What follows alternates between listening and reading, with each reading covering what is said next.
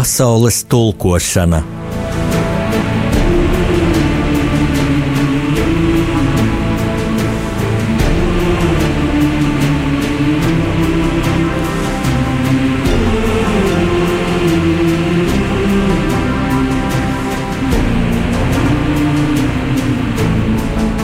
Studijā rakstnieks Jānis Udris.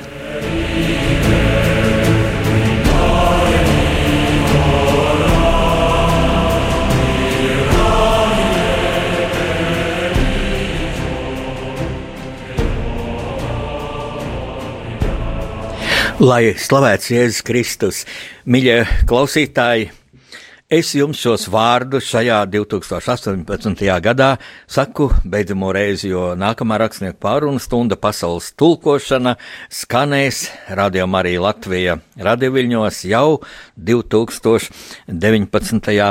gadā.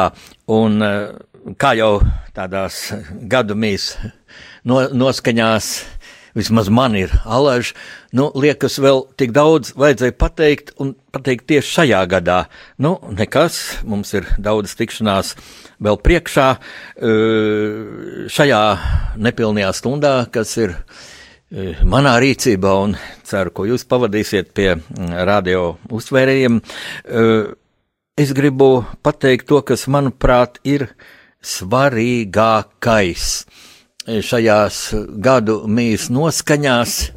Acīm redzot, svarīgākais ir beidzot apstāties tajā nu, trakajā skrejienā, kurā mēs gribam vai negribam, esam ierauti, jo šis ir tāds skriešanas laiks, diemžēl, diemžēl arī paviršības laiks apstāties un padomāt, apstāties un atskatīties, apstāties un sagaidīt savu dvēseli.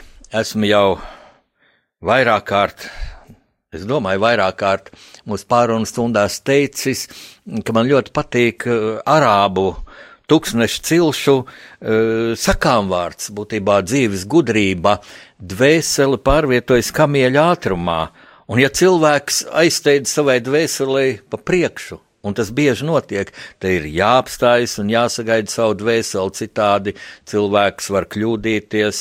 Cilvēks jūtas nepilnīgs, jūtas vientuļš, jūtas dezorientēts, jūtas būtībā izmisis. Liekas, ka dzīve ir tukša, ka dzīve iet garām, vajag sagaidīt savu dvēseli, jo uh, ir jau tā, ka atbildes uz pašiem būtiskākajiem dzīves jautājumiem Dievs cilvēkam ir devis dvēselē, jūs dvēselē, nevis prātā. Prāts tā kā tāds mm, moderns skaitļotājs var izskaitļot kaut kādus it kā optimāls variants, bet patiesībā dvēseli, turpat arī sirdsapziņa, turpat arī goda prāts, turpat arī pienākuma apziņa. Tādi jēdzieni, kas bieži vien varbūt datorā nav ieliekami, ja mēs gribam izskaitļot nu, to izdevīgāko, to optimālāko variantu. Uh, Mani baida viena lieta. Es to teicu jau mūsu iepriekšējā pārunā, kad uh, apstājos uz um, šīs Latvijas um, pirmās simtgades bilanci. Tad mēs tikko bijām iegājuši Latvijas otrajā gadsimtā.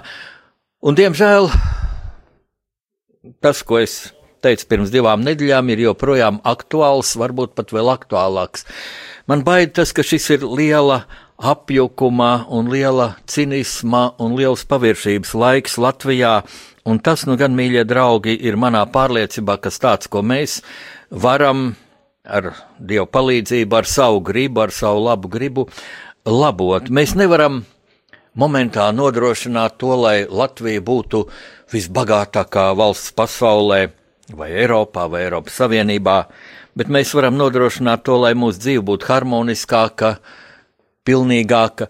Un bieži ir tā, ka es vērojot cilvēkus, kas čingst, kas saka, ka mums nekas nav noticis, nekas labs nav noticis, ka neviens nav bijis labs Latvijā, Latvijas politikā, Latvijas valsts vadībā.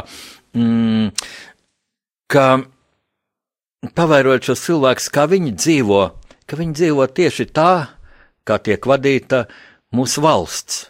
Mūsu valsts tiek vadīta, ir sasniegts daudz kas, mēs esam pārsteidzoši ātri iestājušies Eiropas Savienībā un NATO. Ja paskatāmies tā, ka tagad mēs esam 27 gadus atkal nietirīga valsts, tad puse no šiem 27 gadiem jau ir nodzīvota kā pilntiesīga Eiropas Savienības un NATO dalība valstī. Mēs to bieži nenovērtējam, bet nu, īpaši dalība NATO, nu, paskatīsimies, kas notiek Ukrainā, valstī, kas ir daudz lielāka par Latviju, ko apdzīvo nu, 20 un vairāk reizes vairāk uh, iedzīvotāji kā Latvijā, kam ir daudz lielāks ekonomiskais potenciāls, lai gan, protams, milzīgas ekonomiskas grūtības, milzīgas sociālās grūtības, taču viena no lielākajām Eiropas valstīm. Un kādā bīstamā situācijā šī valsts ir šobrīd Krievijas agresīvo draudu priekšā, vai gan, vai gan kādam varētu būt šaubas par to, ka ja mēs nebūtu šobrīd NATO dalību valsts, nu arī Eiropas Savienības dalību valsts, ka tad, nu, visticamāk, ka tad, ka tad eh, mēs būtu bijis jau sen, jau sen tas mērķis Krievijas impēriskajām ambīcijām, Krievijas centieniem restaurēt kādreizējās padomju impērijas šo spožumu, šo, šo, šo diktatorisko varenību. Es teicu, ka ir tāds liels sajukuma laiks, un laikam šo, šo tādu sajūtu ļoti vairo tas, ka Latvijā nav izveidot jaunu valdību. Mēs tā sakam, Latvijā nav valdība. Būsim uzmanīgāki šādos izteicienos. Latvijā ir valdība, Latvijā ir vecā valdība, ir problēmas izveidot jaunu valdību, un es ieteiktu vērtēt šo situāciju uh, dialektiski, padomāt, kāpēc tas tā ir. Uh, nu, šajos 27 gados ir bijušas grūtības.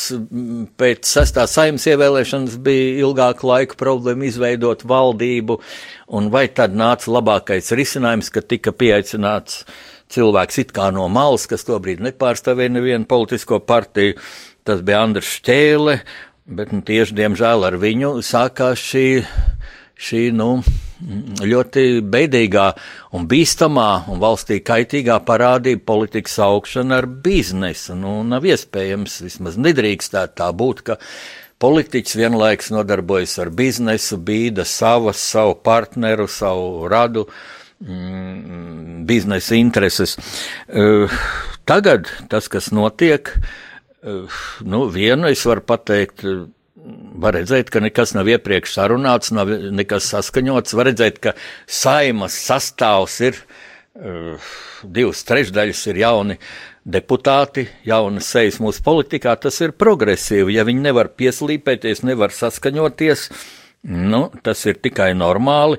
Protams, labāk būtu, ja šīs nu, trīs jaunās partijas, kuras mm, prezidents uzrunāja, nu, ja viņi vai viens, vai otrs, vai trešais no šiem kandidātiem būtu varējis, mm, kā saka, palikt malā savas ambīcijas, kaut kur varbūt piekāpties, politika ir kompromisa māksla, kaut kur ieklausīties varbūt citai partijai, atkal kāds no vektoriem, viņa programmatiskiem uzstādījumiem ir, ir labāks kaut kā vienoties, nu tas neizdevās, nu tad ir jāmeklē jauns rezervs.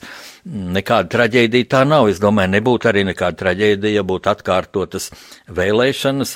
Galvenais lienāk jauni politiski spēki, jo politiskā morāla mūsu valstī un neprofesionālisms, diemžēl, ir nokritis ļoti, ļoti zemu.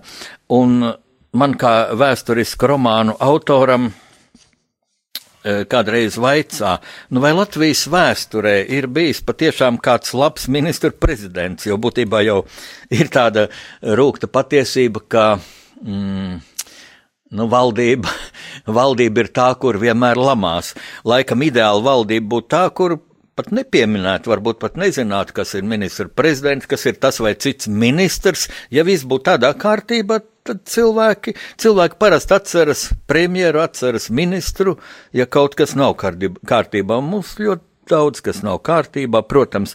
Un tad atbildot šo jautājumu, vai es tā redzu vēsturiski atskatā kādu mm, labu, pat izcilu ministru prezidentu, tad es ar visu pārliecību nosaucu Zigfrīdu Annu Meirovicu. Un te nu daudzi, mm, es tā var iztēloties, ir pārsteigti, kā Meirovics taču bija ārlietu ministrs. Jā, pareizi, Meirovics bija mm, Latvijas ārlietu ministrs, pirmais un, un, un, un būtībā nu, visizcilākais, es pat teiktu, ka ne tikai ārlietu ministrs, bet mūsu diplomātijas radītājs, mūsu, mūsu diplomātijas seja mūsu diplomātijas etalons, kas joprojām, būtībā joprojām uztur tādus augstus tieši mūsu mm, ārpolitiskos ideālus, un tas ir tas vektors Latvijas ārpolitika, kas ir attīstījies sekmīgi pēc neatkarības atjaunošanas, jo mēs jau 95. gadā, pie tam visi politiskie spēki, pozīcija, opozīcija, visi politiskie spēki mm, 95. gadā vienojās par to, ka vienīgā Latvijas izvēle starp diviem ceļiem iet šo rietumu demokrātijas ceļu, atgriešanos rietumu demokrātijas pasaulē vai šo orientāciju uz lielo austrumu kaimiņu valstu, uz Krieviju un šo bijušo PSRS areālu. Mm, visi izvēlējās šo rietumu orientācijas ceļu, visi politiskie spēki, mm, un to mēs ļoti sekmīgi gājām. Ļoti sekmīgi 13 gadus pēc neatkarības atjaunošanas Latvija kļuva NATO un Eiropas Savienības dalību valsts. Un tas bija, tas bija būtībā Meirovica kādreizējo Latvijas valsts pastāvēšanas pirmajos gados izvirzīto ārpolitisko mērķu, spošs iemiesojums, jo Meirovics domāja par Baltijas valstu savienību, Baltija, Lietuva, Igaunija, tā būtu mazā savienība. Meirovics drošākajos plānos bija piecu valstu savienība, pievienot šīm trim Baltijas valstīm arī Somiju un, un Poliju. Nu, Meirovics tajā laikā nesaprata, vajadzēja nākt vēl otrajam pasaules karam, pašam briesmīgākajam, kāds ir bijis līdz šim cilvēks vēsturē, lai šis Meirovics ideāls tiktu iemiesots. Nu, un tad, lūk, Meirovics bija Latvijas valsts vēsture otrais ministra prezidents pēc Kārļa Ulmaņa. Meirovics valdība tika apstiprināta 1921. gada 19. jūnijā. 19. jūnijā, un šī valdība pastāvēja, nu, samērā ilgi līdz 923. gada 26. janvārim. Un tad Tajā pašā gadā, pēc pusgada, Meirovics sastādīja atkal jaunu valdību 23. gada 28. jūnijā. Un kas ir interesanti, šī valdība, nu, dažādu e, parlamenta, nu, nesaskaņu spēku pārgrupēšanās e, rezultātā, kā jau tas mēdz būt, Tas nenozīmē, ka, ka valdības darbs bija slikts.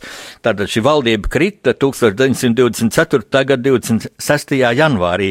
Vai ievērojat kādu vēsturisku sakritību, ka pirmā Mērovics valdība beidz pastāvēt 26. janvārī 23. gadā un otrā Mērovics valdība atkal 26. janvārī? Kāpēc es tā saku, ka Mērovics bija ļoti veiksmīgs ministra prezidents? Valsts attīstība mm, ļoti strauji bija sākusies jau Kārļa Ulmaņa, tātad pirmās valdības darba laikā, kad ļoti strauji tika atjaunot kara, atjaunot kara postījumi, mm, no bēgļu gaitām atgriezās latvieši un sākās ļoti strauji jauncelsmes darbs. Tika viena pēc otras atvērtas dažādas valsts iestādes, vitāli nepieciešamas. Visu laiku mm, veidojās jau, jau, jauni veikali, jaunas firmas. E, tas bija svarīgi, jo pazeminājās cenas. Parādījās preces, par kurām jau cilvēki bija aizmirsuši Pirmā pasaules kara laikā. Bet Meirovicam bija tāda laba iezīme, kur es pētot uh, atmiņas, vēstures dokumentus, uh, mm, psiholoģiski analizējot šos divus politiķus, eh, šī iezīme mm, trūka Kārlim Ulmanim. Proti, liela tolerance un prasme veidot komandu, strādāt komandā. Un tas interesantākais, ka Meirovits, vadot uh, sava ministra kabineta sēdes, lika par katru jautājumu izteikties katram ministram. Šķietam paradoxāli, ja veselības ministram uh, un, un teiksim, kultūras ministram. Viņš arī prasa, kāds ir jūsu viedoklis nu, par, par, par teiksim, kaut kādu rūpniecības projektu. Ja? Nu, un katrs ministrs pasaka, un tas bija šis komandas gars. Lūk. Tas ir tas, ko es gribētu novēlēt arī mūsu nākamajai valdībai. Nezinu, kas to vadīs, bet es jūtos ļoti vīlies arī nu, šajos trīs uzrunātajos cilvēkos, cilvēkos ar dažādu politisko pieredzi. Mm, Es negribētu pat minēt vārdos, bet viens uh, no šiem nu, pretendentiem, kas ļoti skaisti runāja par Latviju, man ļoti pārsteidza un sarūktināja ar tādu savu piedāvājumu, ja viņš lūk vadīs valdību, tad viņš pirmkārt atdos, atdos bankā krāja bankā pazaudēto naudu Raimondam Paulam. Un es tā pilnīgi sarāvos ar visu savu milzīgo cieņu, pat pietāt pret Raimondu Paulu. Ja? Bet es domāju, pagaidiet, cilvēkam, kurš tā saka, vai viņam ir kaut tāda mazākā nojausma, ka Latvija ir demokrātiska valsts. Un, un es nezinu, kā Pauls justos, ja viņam ar lielu pompu padot viņa pazaudēto naudu un, un, un, un, un simtiem un tūkstošiem cilvēku bļautu, bet, vai, bet, bet, bet mēs taču pazaudējām arī naudu, ja? Vai teiksim, ka viņš momentā atcelt no visiem amatiem tur vienu viena dāma, kas ir bijusi saimnes spīkere. Nu, piedodiet, nu, demokrātiskā valstī tas nav tik vienkārši izdarāms. Man pret šo dāmu nav nekādas īpašas pozitīvās jūtas. Arī es daudz ko kritisku varētu pateikt, bet šos jautājumus jau lemj savādāk, lemj, lemj ministru kabinets un, un, un nu, tā vienkārši šo cilvēku ierakst melnajos sarakstos. Tā nedara demokrātiskā valstī. Nu, lūk, tā ir tāda viela pārdomām, Un vēl man ļoti pārsteidz arī mūsu mm, plašsaziņas līdzekļu mm, tāda paviršība kādreiz. Es pagājušajā rakstnieku pārunu stundā runāju par šo ANO mm, pakta, paktu par migrāciju, par globālo migrāciju, tad šī jautājuma nokārtošanu. Es ļoti negatīvi izteicos par šo paktu. Mans paraksts ir arī šajā latviešu inteliģences eh, vēstule aicinājumam, aicinājumā valdībai, parlamentam balsot eh, pret šo paktu. Parlaments arī nobalsoja pret šo paktu. Eh, un man ļoti pārsteidza tāds ļoti vienpusīgs raidījums televīzijā, kultūras šoks, kurā tika apgalvots, ka Lidijas Doroņinas Lasmanes paraksts, kas ir pirmais paraksts no 52 parakstiem šajā eh, zem šīs vēstules, eh, ka viņi to nemaz nav parakstījusi. Un televīzijas raidījumā arī, jā, žurnālisti piezvana Lidijai Doroņinai Lasmanai, un cienījumā kundze saka, jā, mans paraksts tur nav, es jau Jānu Roškalnu par to sabāru. Es Jānu Roškalnu labi pazīstu. Uh, varētu teikt, mēs esam draugi. Es dziļi cienu šo Latvijas brīvības cīnītāju padomju gados. Un eh, es viņam izprasīju, kā tur bija, lai gan no raidījuma arī tur bija tā, ka Lasmanas kundze pasaka, mans paraksts tur nav, es jau Jāni Sabā, žurnālists saka, es esmu šokēta un stop. Viss, ja? Lai gan man lielā pieredze žurnālistikā saka, protams, saruna turpinājās, Un klausītājam un televīzijas skatītājiem ļoti vajadzēja dabūt jautājumu, tagad atbildes ļoti būtisks jautājumu, vai tad Lasmanas kundze vispār neko nezināja par šo vēstuli, vai tad Lasmanas kundze uh, ir, tā teikt, pozitīvi noskaņot par šāno rezolūciju. Izrādās nekā tam līdzīga Lasmanas kundze mm, sarunā ar Jānu Roškalnu apliecināja, ka viņi to grib parakstīt. Mm, Jāņem vērā arī, ka Lasmanas kundze brīdī bija slimnīcā. Es nezinu, kā tagad, viņai smags veselības stāvoklis daudz gadi. Viņai arī tajās dienās bija nomirusi kāda radniece Stokholmā, viņa bija ļoti satraukta. Un televīzijā kaut kā bija parādījusies tāda ziņa, nu, kad viņa to ir parakstījusi, un viss it kā vienīgā, ja, lai gan tur bija 52 inteliģents paraksti, ja, un viss tā rezultātā Lasmanas kundze bija sanervozējusies, un tad būtībā ir tas moments, kur varētu arī viņu saprast, ka cilvēks ar cienījumiem gadiem viņam ir grūti iejusties šajā pasaules steigā, par kur es runāju jau raidījuma sākumā, un viņa acīm redzot gribēja un iztēlojās, ja viņa ko paraksta, tad lai viņai noliek priekšā mm, papīra lapus, kuras ir uzrakstīts vai nodrukāts šis teksts, un tad viņa uzliek savu parakstu apakšā. Bet tā jau tas ne, netapa, es jau arī neparakstīju kādu papīra lapu, man atsūtīja elektroniskajā pastā atsūtīju šī, šīs vēstules, šī aicinājuma tekstu, Un es ar atbildi, reply, uh, uzrakstīju, es, Jānis Uders, rakstnieks, vēsturisko romānu autors, uh, paraksto zem šīs vēstules. Un tā tas bija, un es tā varu saprast, ka Lasmanas kundzei bija nu, tā neierasti un grūti to to, to nu, pieņemt šo versiju, un viņi arī varbūt nesaprast īsti jautājumu. Nu, viņi tiešām fiziski nebija to parakstījusi. Es nezinu, vai te kādu vajadzētu nosodīt. Varbūt vienkārši mūsu laika steigu šo paviršību. Nu, tas ir mirklis pārdomām, mirklis mūzikai.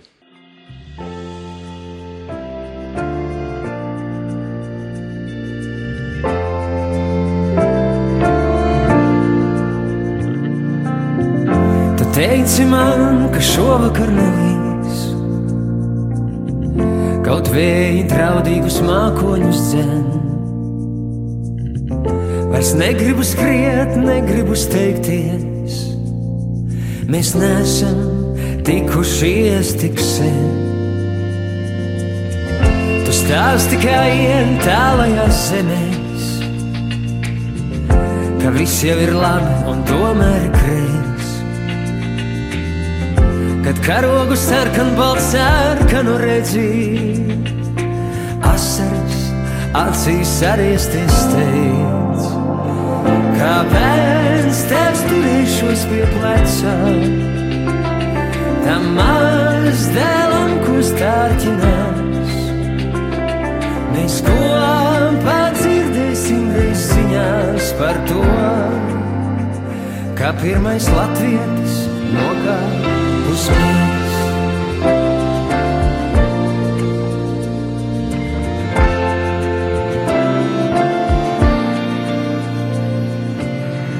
Tu esi mans brālis un tu mana māsa. Jā, pasaule mainās un mēs tai līdz. Un jautājums nav vairs par ādas krāsu bet to, kādā valodā runā tev sirds. Mēs neesam daudz un labi to zinām, ka viens otru kaitināt varam mazliet.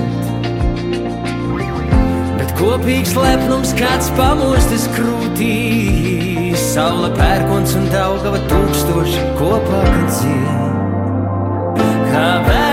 Kāpēc tev turēšos pie pleca? tam maz tēlam, ko stārķinās. Mēs kopā dzirdēsim reiz ziņās par to, kā pirmais latvietis nokāpa uz mani.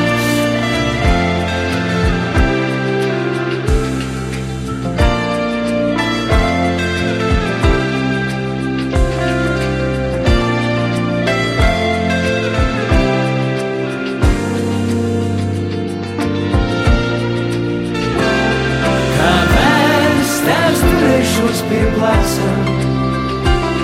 Tam maz dēlam, ko stārķinās. Mēs kopā dzirdēsim resiņās par to. Kā pirmais latvietis nokāp uz mums. Kā pirmais latvietis nokāp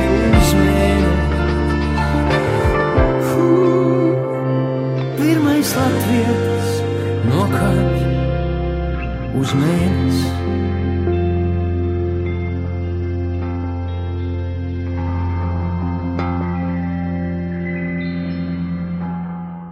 Šeit Radio Marija Latvija skan rakstnieku pārunu stundu pasaules tulkošanu kopā ar jums. Rakstnieks Jānis Udris un klausoties šo brīnišķīgo dziesmu, es atceros kādu tādu aizkustinošos bērnības epizodi, kad es biju mazs zēns. Un pirmo reizi kosmosā bija palaists uh, cilvēks, uh, tas bija Krievs, uh, Jurijs Gagārins. Un man sirdī iedzēla tāda, tāda doma, ah, ja Latvija būtu brīva, ja Latvija kādreiz būtu brīva, varbūt Latvija varētu palaist savu mākslīgo zemes pavadoni.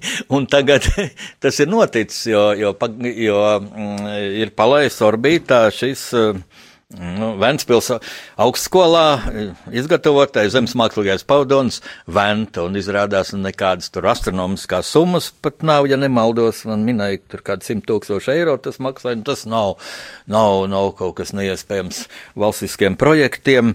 Mm, tika palaists šis pavadons ar mm, indiešu nesai raķeti izrādās Tās ir tās lētākās, nevis Krievijas raķetes, un lūk, tādas refleksijas.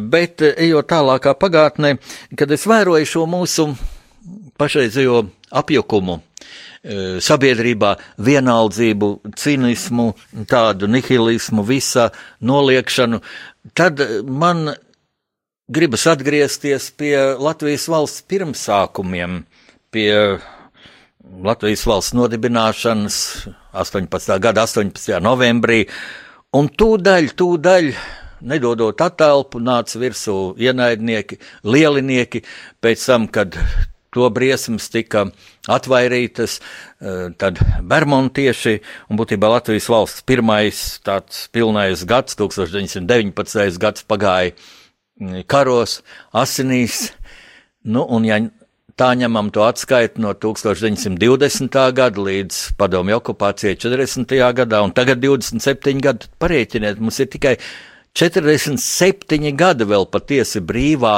valstī nodzīvot, vēl ir jādzīvo vairāki gadi, lai mūsu tā bilance Latvijas valsts pastāvēšanas vai šo, šī, šīs laika, laika atskaita no Latvijas valsts nodibināšanas brīža būtu pusi uz pusi, kā mēs tagad rietumiem izdabājot, sakām, 50-50, ja, 50 pret 50 procentiem.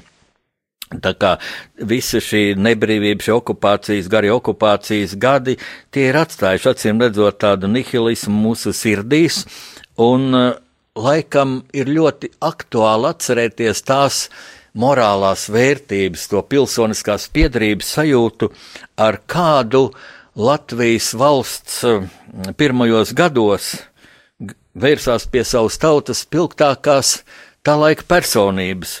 Nu, es minēju Mērovicu, es esmu minējis mūsu raidījumos, ka Kārls Ulmans bija tas lielais celmblaus pie Latvijas valsts dibināšanas un, un Latvijas ekonomiskā uzplaukuma sekmēšanas, bet bija jau vēl vesela virkni spilgtu personību. Un es atļaušos teikt, ka šodienas lielākā problēma Latvijā, manā pārliecībā, ir spilgtu personību trūkums mūsu politikā. Spilgtu personību trūkums mūsu politikā. Mm. Tas nenozīmē, ka Latvijā nav spilgts personības. Mēs esam ļoti talantīga tauta. Paskatieties, latvieši ražo modernus dronus, eh, veido vēja tuneļus, kas pārsteidz eh, daudzās pasaules vietās, un ko tikai visu latviešu nedara. Bet kāpēc mēs, mūsu talantīgākie cilvēki, pirmkārt jaunā paudze, kāpēc tik bikli iet politikā? Laikam te mēs visi sabiedrība esam vainīgi ar to nemitīgo čīkstēšanu, nemitīgo visu noliekšanu. Cilvēks vēl nav pat ievēlēts saimā, mēs jau viņu ķengājam, tāpēc, ka tas ir kā kauns iet politikā. Nē, tas nav kauns. Tā ir goda lieta iet politikā un godprātīgi kalpot savai tautai. Kas ir vainīgs, kas nogrēkojies, tas lai atbild. Un mēs redzam, cik briesmīga korupcija parādās Rīgas domē Daugopils domē, nu paldies Dievam, ka knap, knabi, knābis, kā, kā tautā to sauc, ka tas beidzot ir sācis parādīt dzīvības pazīmes. Un no tādām iekšējām cīņām, ka tur priekšnieks ar savu vietnieci tur, tur cīnījās, ir tiešām ķērušies kārtīgi klāt valsts izsaimniekotājiem, bet šie ideāli, tos manā izpētē ļoti spilgti, varbūt pat vispilgtāk, Latvijas valsts pirmajos gados apliecināja rakstniece Ivanda Kaija, kuras daļradas es pētījis, kuras dzīves stāsts es esmu pētījis, tiešām cildena sieviete, arī ar traģisku dzīves stāstu. Un tagad es gribu turpmākās raidījuma minūtes veltīt mm, Ivandes Kaijas talantīgas rakstnieces un arī ļoti kaismīgas, talantīgas publicistes, žurnālistes. Mūža beidzamajai runai, kuru viņa teica 1921. gada 7. aprīlī, Valmierā, un šī runa bija veltīta sievietēm, jo Ivāna Kāja arī, nu, burtiski uzspridzināja Latvijas sabiedrisko domu vēl pirms Latvijas valsts nodibināšanas, iestājoties par sieviešu līdztiesību. Pie tam, nu, ne tikai politiskā un ekonomiskā un sociālā plāksnē, bet arī tādā psiholoģiskā plāksnē, ģimenes um, veidošanas plāksni, iestājoties par sievietes tiesībām, nu, veidot savu dzīvi atbilstoši savām jūtām, savai mīlestībai, izvēlēties dzīves draugu, nu, arī, arī varbūt intīmās dzīves draugu. Ja vīrietis to drīkst, tad to drīkst arī sieviete. Mm, Ivanda Kaja izveidoja arī Latvijas zelta fondu, Latvijas valsts pastāvēšanai laikam gan visdramatiskākajā brīdī Bermontiādas laikā, kad mums tik ļoti vajadzēja mūsu valstī naudu, lai pirktu ārzemēs ieročus, apģērbu apaus karavīriem, munīciju, lai pirktu, un valsts kasē nebija šī nauda, un tad Ivanda Kaja vērsās pie sievietēm ar aicinājumu atdāvināt valstī savas zeltlietas. Tas guva spožs panākums. Un jā, Pirms padomju okupācijas Latvijas valstī bija 18 tonnas zelta, ko ar Kārļa Ulmaņa lēmumu izveda uz ārzemēm, deponēja ārzemēs, tas laikam bija, nu, varbūt pat vienīgais Kārļa Ulmaņa, nu, gudrais, tālredzīgais lēmums padomju draudu priekšā, jo jūs zinat, ka es ļoti kritiski vērtēju Ulmaņa tālāko taktiku, nu, nekā nepretoties padomju okupācijai, pilnīgi nekā, ne militāri, ne diplomātiski. Nu, lūk, bet tā tad Ivāna Kaja, un ko tad viņa valmieriešiem teica, pirmkārt, valmierietēm 21. gadā savā pēdējā runā, jo šīs runas laikā Ivāna Kaja ķēra trieka, insults. Un viņai nācās vēl divus gadu desmitus līdz pat padomju okupācijai un līdz vācu okupācijai nodzīvot, mm, izsistai no, no darba spējām. Viņa nedzirdēja, viņai bija paralizēta ķermeņa labā puse, viņa nevarēja parakstīt, viņa nevarēja parunāt, viņa ar grūtībām varēja kādus vārdus izrunāt un ar kreiso roku uzrakstīt kādu zīmīti. Nu, briesmīgs liktenis un arī briesmīga nāviņa pieredzēja padomju okupāciju, kuras laikā gāja bojā viens viņas dēls, padomu režīms to nošāva, un otrs dēls paradoxālā kārtā, slavens rakstnieks, Haralds Lūkins, bez viņa piekrišanas tika it kā ievēlēts šajā tautas saimā, kas bija pilnīgi kaut kāda butaforija, padomju okupantu butaforija, kad kājas dēls aizgāja šo vēlēšanu komisiju, teikt, es nepiekrītu, tad viņi tur izlamāja, ka viņa piekrišana nemaz nav vajadzīga. Tas viss bija ļoti briesmīgi, bet tad ienāca vācu okupanti 41. gada vasarā un pienāca 41. gada Ziemassvētku un Ivāna Kaja ceļā uz uh, veco ģertrūdas baznīcu, uz Ziemassvētku dievkalpojumu, pakļuva zem vācu armijas mašīnas. Mašīnu viņa notriec, un pēc dažām dienām, 42. gada sākumā, viņa mira. Slimnīcā mira. Un Lūk, Ivāna Kaita tad teica 21. gada 7. aprīlī. Bija laiki, kad mēs latvieši dzīvojām katrs savu dzīvi tāli, sveši viens otram, jo nebija mums lielas apvienojošas idejas, un svešas naidīgas varas mūs valdīja un skaldīja. Tie laiki no aiz kalniem. Latvijas zeme vairs nav kaut kādā Krievijā. Tā ir mūsu pašu Latvija, mūsu sapņu ilgi lolotā, cerētā. Nav vairs svešas varas, kas mūs māca, mūs spaida, vajā. Pār visiem mums spīd gaišā brīvības saule, dzīvinoša spēka šalti, tā lej mūsu miesās, mūsu garu tā modina, jauna laika lielam darbam. Un tālāk. Mums jābūt visiem vienlīdz brīviem pilsoņiem, iekšēji garīgi brīviem, tad mēs būsim garā lieli Bet īstam lielumam ir maz kopēja ar varu un augstu stāvokli. Tāds nekad nedrīkst būt mūsu centienu galamērķis, lai neaizmirstam, ka visi kroņi ir vairāk vai mazāk ērkšļu kroņi, un jo apzinīgāks tā nesējs, jo smagāk uz tā gulstas atbildība. Un vēl ļoti aktuāli mm, vārdi mums jābūt visiem vienlīdz brīviem pilsoņiem, iekšēji un garīgi brīviem, tad mēs būsim garā lieli. mums tagad ir visas apvienojošā sabiedriskā ideja, mūsu valsts. No tās izriet mūsu visi dzīvības pavadieni, kas saist mūs vienā kopīgā pienākumā, vienā kopējā mērķī. Kāds prieks strādāt pašiem savā mājā, ceļot to, kopjot, daļojot. Neviens mūs no tās vairs nevar izdzīt. Neviens tagad nevar sacīt, lai tas būtu vīrietis vai sieviete, ka viņam trūks dzīves mērķa vai nozīmes. Beigās vēlreiz visiem jauniem un veciem. Mūs visus vieno mūsu gaišais ideāls, mūsu nacionālā valsts. Šī gaišā gaismas bāka tā lai spulgo pie mūsu dzīves apvārkšņa, aicinādam uz brīvību, apvienošanos vienprātīgā darbā, mīlestību uz tautu, dzimto zemi, lai ir mūsu svarīgākais dzinējs spēks. Mums visiem, kā vienai lielai saimē, jābūt gataviem stāvēt par mūsu valsti, mūsu jaunu iegūto brīvību ar degošiem burtiem, lai mūsu sirdīs kvēlo, lai dzīvo Latvijas valsts. Nu, tagad brīdis mūzikai.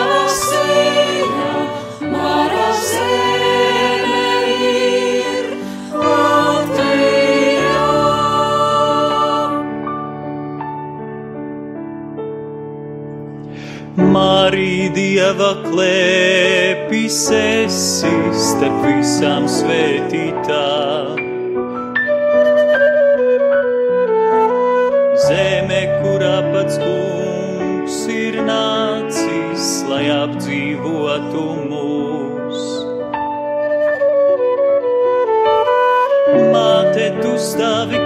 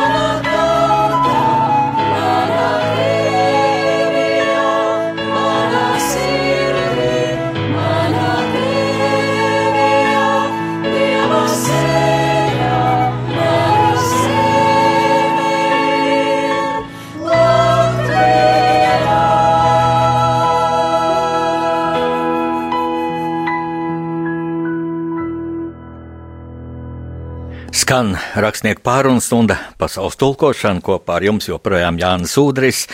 Uh, Mīļie klausītāji, uh, tātad nu, jaunā gada gaidīšanas noskaņās. Es pārdomāju arī savu veikumu, savu dzīvi šajā 2018. gadā. Protams, protams, ir jāatzīst, ka es varēju izdarīt krietni vairāk, varbūt arī labāk. Uh, Es domāju, tā ir tāda normāla atziņa, kas ir laikam gan katram no mums prātā, ja mēs tā godīgi ieskatāmies savās gaitās, kādas ir bijušas šajā gadā. Bet, um, ja kas man liekas tā veiksmīgi izdevies, tad pirmkārt es minētu savu referātu Latvijas Universitātes rīkotajā zinātniskajā konferencē par prezidenta institūciju Latvijā, par prezidentūru Latvijā. Un man šajā konferencē tā notika 3. maijā. Universitātes mazajā aulā, un man tur bija uzticēts nolasīt referātu par Vairu Vīķi Freibergu. Uh, tātad otro atjaunotās Latvijas valsts prezidenti, un es šo referātu nosaucu Vairavīķa Freiberga domzīme simtgades ilgākā prezidentūra, jo Vairavīķa Freiberga no visiem Latvijas valsts prezidentiem, kādi mums ir bijuši kopš 1000. 900. Tātad 18. gada, kad satversmes sapulces prezidents tika ievēlēts, tas bija Jānis Čakste.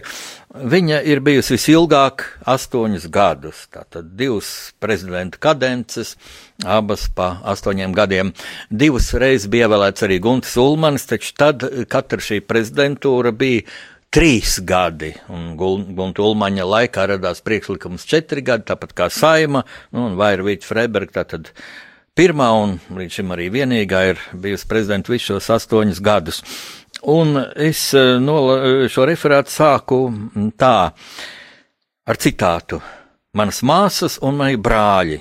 Tā 1988. gadā Rīgā Eposa Lāčplēsis simtgadu jubilejas konferencē Latviju uzrunāja Monreālas Makgila universitātes profesore Vaira Vīte Freiberga. Bija atmoda, ļaunuma impērija joprojām bija spēcīga un agonijā bīstama. Tāpēc ar īpašu svaru izskanēja trimdas latviešu vārdi.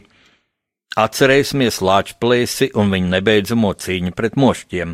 Lai tas mūs vieno, dod mums spēku arī šodien, lai spīdolas gudrība palīdz mums visiem atkal kopā kalpot savai Latvijai. Toreiz es zālē noteikti nebija vienīgais, kas nodomāja tā, ja Latvija būs atkal brīva, uz ko mēs to brīdi ļoti cerējām. Mums vajadzētu tieši tādu prezidenti. Un tas piepildījās pēc 11 gadiem vēlāk, 1999. gada 17. jūnija vakarā, dramatiskākajās vēlēšanās valsts simtgadu vēsturē, kad saima pēc četriem nevi, četrām neveiksmīgām balsošanas kārtām uh, bija parādījusi, ka varēs ievēlēt tikai tādu personu, kas nav saistīts ne ar vienu no partijām. Ne ar vienu no partijām. Un tad beidzot no astoņiem kandidātiem, ieklausieties no astoņiem kandidātiem, tika ievēlēta Vaira Vīķe Freiberga. Nu, tā izvērtējot šos Vairas Vīķes Freibergas astoņus prezidentes gadus, uh, ir neviļas jāsāk domāt par Latvijai īpaši labvēlīgu zvaigžņu konstelāciju, tik precīzi noliekot īsto cilvēku īstajā laikā, īstajā vietā. Un uh, no visiem valsts prezidentiem Vairvīķa Freiberga augstajā amatā tātad bija visilgāk astoņus gadus, bet arī neviens cits valsts prezidenta amatā nebija stājies, un pēc tam nav stājies ar tik lielu intelektuālo bagāžu un sabiedriskās darbības pieredzi. Daudzi to diemžēl nezin, ka Vairvīķa Freiberga pirms šī prezidenta amata bija pasaules zinātnē pazīstama psiholoģe, Kanādas Sabiedrisko zinātņu federācijas prezidente, Kanādas Zinātņu padomes viceprezidente, tas bija valsts ministra līmenis. Viņa piedalīsies Kanādas valdības sēdēs, pārstāvējusi Kanādas starpvalstu sarunās, Līdz ar to vairai Vīķai Freibergai izpalika psiholoģiskās adaptācijas periods valsts prezidenta amatā, kas dažkārt mēdz ilgt visas prezidentūras garumā, dažam labam. Pirmā trimdas Latvijas valsts prezidenta amatā, kā tāda Vairvīķa Freiberga deva spēcīgu impulsu mūsu sašķeltās tautas saliedēšanai. Pirmo reizi prezidenta amatā bija ievēlēta bezparteiska persona. Tas bija viens no Vairsvīts Freibergas ļoti veiksmīgās prezidentūras stūrakmeņiem. Tas arī iezīmēja krasu atšķirību starp politiķu un tautas attieksmi pret Vairvītu Freibergu. Viņas popularitātes reitings sasniedza 85%. Un pats galvenais, ko es akcentēju savā referātā, universitātes konferencē, Tā bija e, mūsu nacionālā pašapziņa, šīs pašapziņas trūkums daudzās situācijas, situācijās šīs pasa, pašapziņas veidošanas, atgūšanas aktualitāte. Mēs ikdienu diskutējam, kāpēc latvieši aizbrauc no Latvijas, bet runāšana neaiziet tālāk par ekonomisko un sociālo apstākļu pieminēšanu. Nu, Latvijā grūta dzīve, slikta dzīve, rietumos labāka dzīve. Bieži vien tas ir stipri pārspīlēts, bieži vien tas izrādās aplami, bet nu, cilvēkiem tāda stereotipa domāšana, kaimiņu dārzā zāle zaļāka. Kādā Eiropas Savienības pētījumā Latvija atzīta par nāciju ar zemāko pašnovērtējumu un tas korelē ar mūsu atpalicību daudzos Eiropas Savienības sociālajos parametros. Bet, lūk, Vairvīķa Freiberga 2005. gadā intervijā uz International Herald Tribune kā savu galveno prioritāti minēja palīdzēt latviešiem atbrīvoties no zema nacionālā pašnovērtējuma tendences. Un atbildot uz Latvijas vēstneša jautājumu, tas ir uz mani jautājumu, es to Tolaik strādāja valdības avīzē Latvijas vēstnesis uz jautājumu par mūsu nacionālā mazauhismu saknēm. Prezidente teica, citēju, man kā psiholoģija ir skaidrs, ka Latvija ir jauna valsts un tik ilgi bijusi pakļautībā. Un tad nu dažam labam cilvēkam rodas sajūta, nu, ka nevar jau tie latvieši būt kungi paši savā zemē. Arī ārzemēs dažkārt sastopamies, sastopam ignorance pret valstīm, kas nekad nav bijušas lielvaras. Es tādās reizēs saku, ak, jūs neko par mums nezināt, nu tad tagad jums ir lieliski iespēja pamācīties. Man ir veiksmes stāsts par šo valsti. Citāta beigas. Pozitīvs faktors iepretim postkomunistiskas sabiedrības cilvēku piesardzībai bija Vairas Vīts Freibergas, brīvā demokrātiskā sabiedrība augušas personības pašapziņa. Atzīšos arī es 2003. gadā, kad Vaira Vīča Freiberga savu pirmo prezidentūru nosauca par izcilu. Es pirmajā brīdī padomāju, ka esmu pārklausījies.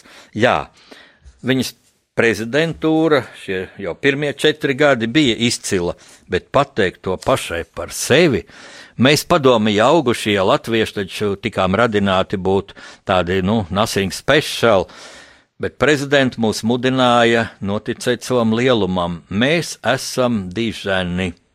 Daļa šos vārdus atkārtoja sajūsmam, mirdošām acīm, daļa apņēra sociālajos tīklos, kad prezidentos bija teikusi dziesmu svētkos.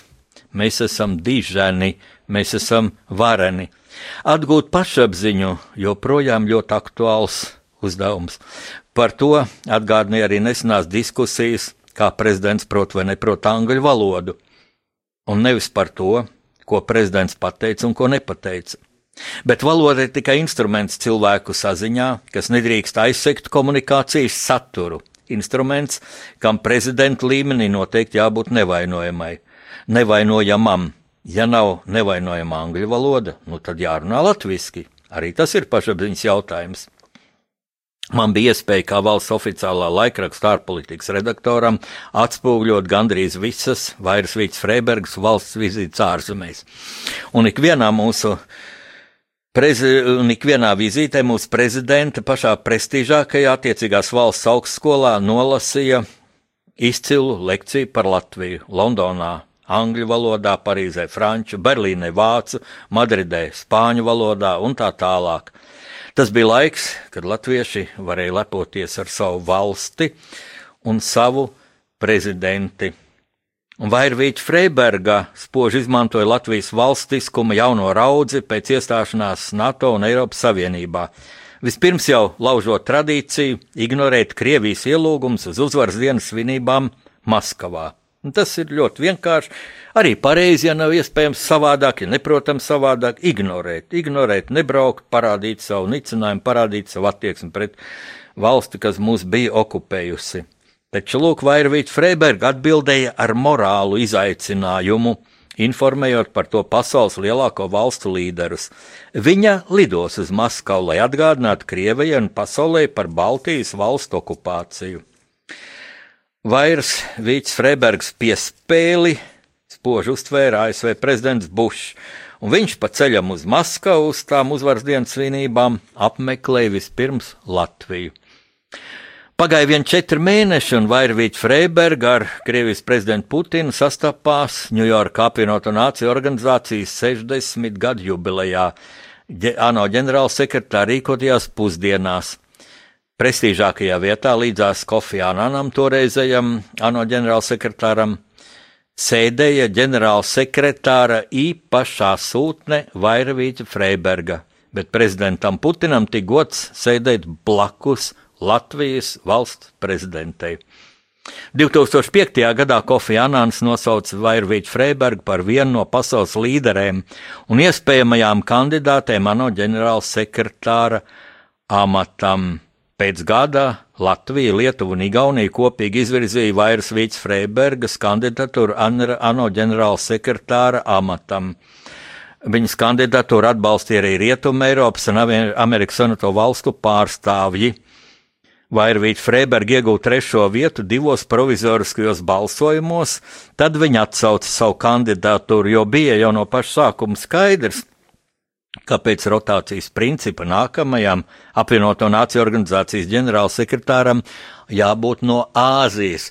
Un lūk, visa šī kandidēšana, tas bija tāds, nu, kā mēs tagad saucam, PR moments, pošs, pošs PR pasākums, lai Latvijas vārds nospīdētu pasaulē. To mums ir jāatceras.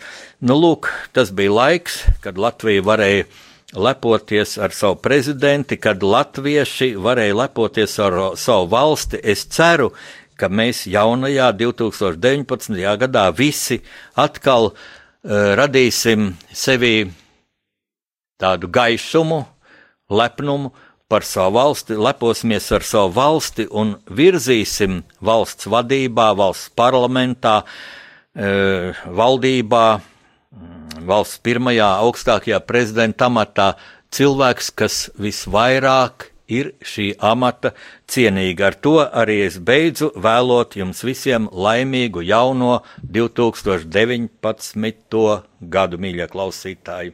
Lai Dievs jūs svētī un sargā, lai Dievs svētī Latviju!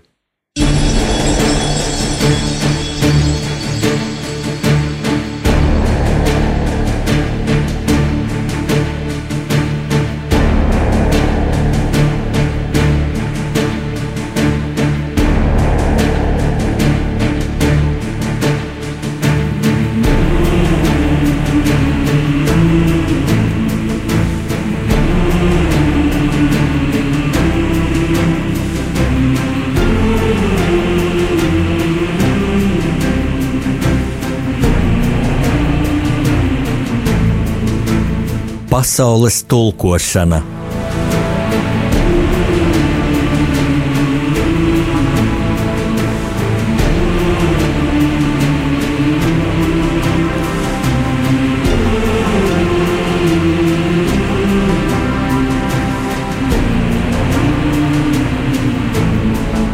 Studijā rakstnieks Jānis Udris.